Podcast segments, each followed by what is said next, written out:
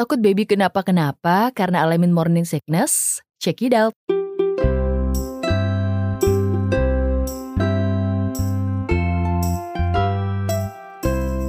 Ih, alay, lebay deh. Dulu aku hamil anak pertama juga gak kenapa-kenapa. Gak kayak kamu tiap hari mual terus. Bosen ah. Ya nggak gitu juga bunda. Tolong ya, setiap kehamilan itu bawaannya beda-beda. Nggak bisa semua dipukul rata. Terus ngejudge bu ibu lain seenaknya.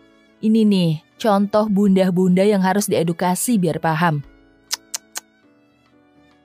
Nah, bu ibu pernah nggak sih ngalamin morning sickness alias mual-mual di pagi hari pada minggu keempat sampai minggu ke-8 kehamilan? perlu ditekankan kalau morning sickness ini memang sering terjadi di antara ibu hamil. Jadi jangan merasa sendirian ya Bu Ibu. Morning sickness ini memang nyebelin karena bisa bikin mual, muntah, bahkan rasa kecapean. Tapi dalam kehamilan normal, seharusnya nggak memunculkan mual dan muntah yang berlebih. Jika berlebih, maka sebaiknya ditangani dengan tepat dan dicari penyebabnya. Jadi, jangan lagi dengerin kata netizen sok tahu yang menganggap bu ibu itu lebay. Kalau nggak ngalaminnya, bu ibu beruntung. Tapi, memang bawaan bayi beda-beda. Ada juga yang fine-fine aja ketika nggak mengalami morning sickness sama sekali. So, let's stay calm. Lalu buat bu ibu yang lagi hamil anak kembar, morning sickness malah biasanya dirasakan lebih lama. Karena ada yang namanya hormon beta HCG atau human chorionic gonadotropin. Yang sebenarnya kadarnya sama aja sih, nggak lebih tinggi, tapi memang lebih beresiko terhadap penyakit-penyakit seperti tekanan darah tinggi di masa kehamilan. Hingga detik ini, mual-mual masih menjadi masalah buat bu ibu dan nggak bisa hilang sama sekali dengan obat-obatan. Bisa sih hilang, namun harus memakai obat yang membahayakan buat janin. So, it's better to be strong daripada harus mengorbankan si janin ya Bu Ibu. Tapi tenang Bu Ibu, masih ada beberapa tips seputar makanan dan pola hidup yang bisa dicoba untuk meredakannya. Jahe adalah yang paling sering dianggap sebagai obat termujarab untuk mengatasi morning sickness. Mulai dari wedang jahe, kue jahe, teh jahe, manisan jahe, atau kandungan jahe dalam makanan lainnya yang bisa dicoba.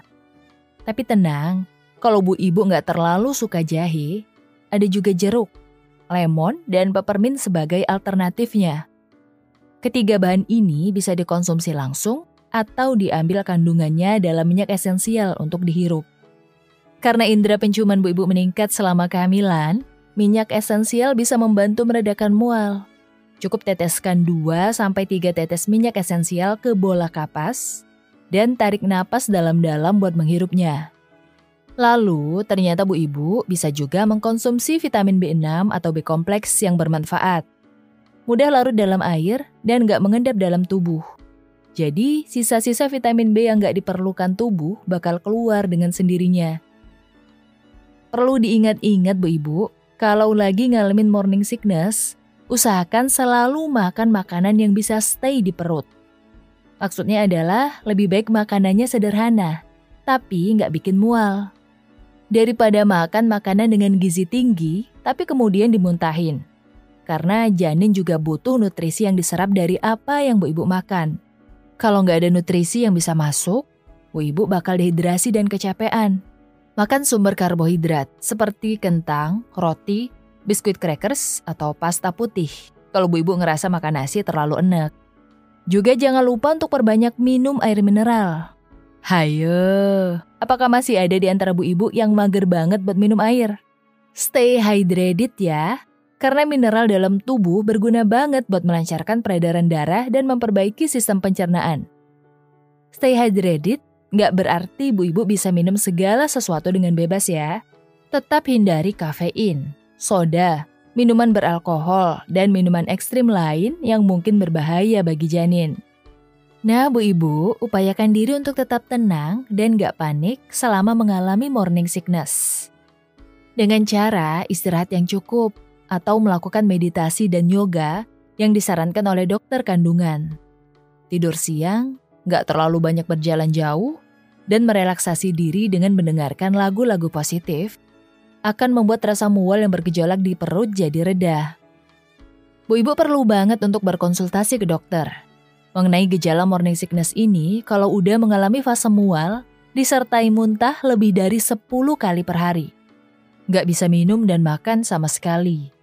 Ngalamin penurunan berat badan yang diikuti oleh tanda-tanda dehidrasi sedang sampai berat, seperti nyeri kepala, keluar keringat dingin, jarang buang air kecil dalam satu hari, buang air kecil berwarna kecoklatan, dan mungkin disertai penurunan kesadaran, seperti bicara meracau, mengantuk terus, bicara nggak nyambung, atau hingga pingsan. Kasus seperti ini harus mendapat penanganan segera. Karena kalau enggak bisa berbahaya both for mom and the fetus. So, that's it. Beberapa tips biar bu ibu bisa survive dalam masa-masa ngalamin morning sickness. Semoga bermanfaat ya. If you need someone to talk or ask about pregnancy, hit us up on DM or comment whenever you want ya, Bu Ibu. Because we are here and we are your friend. Be a great mom really soon. Thank you. See you in the next podcast. Bye.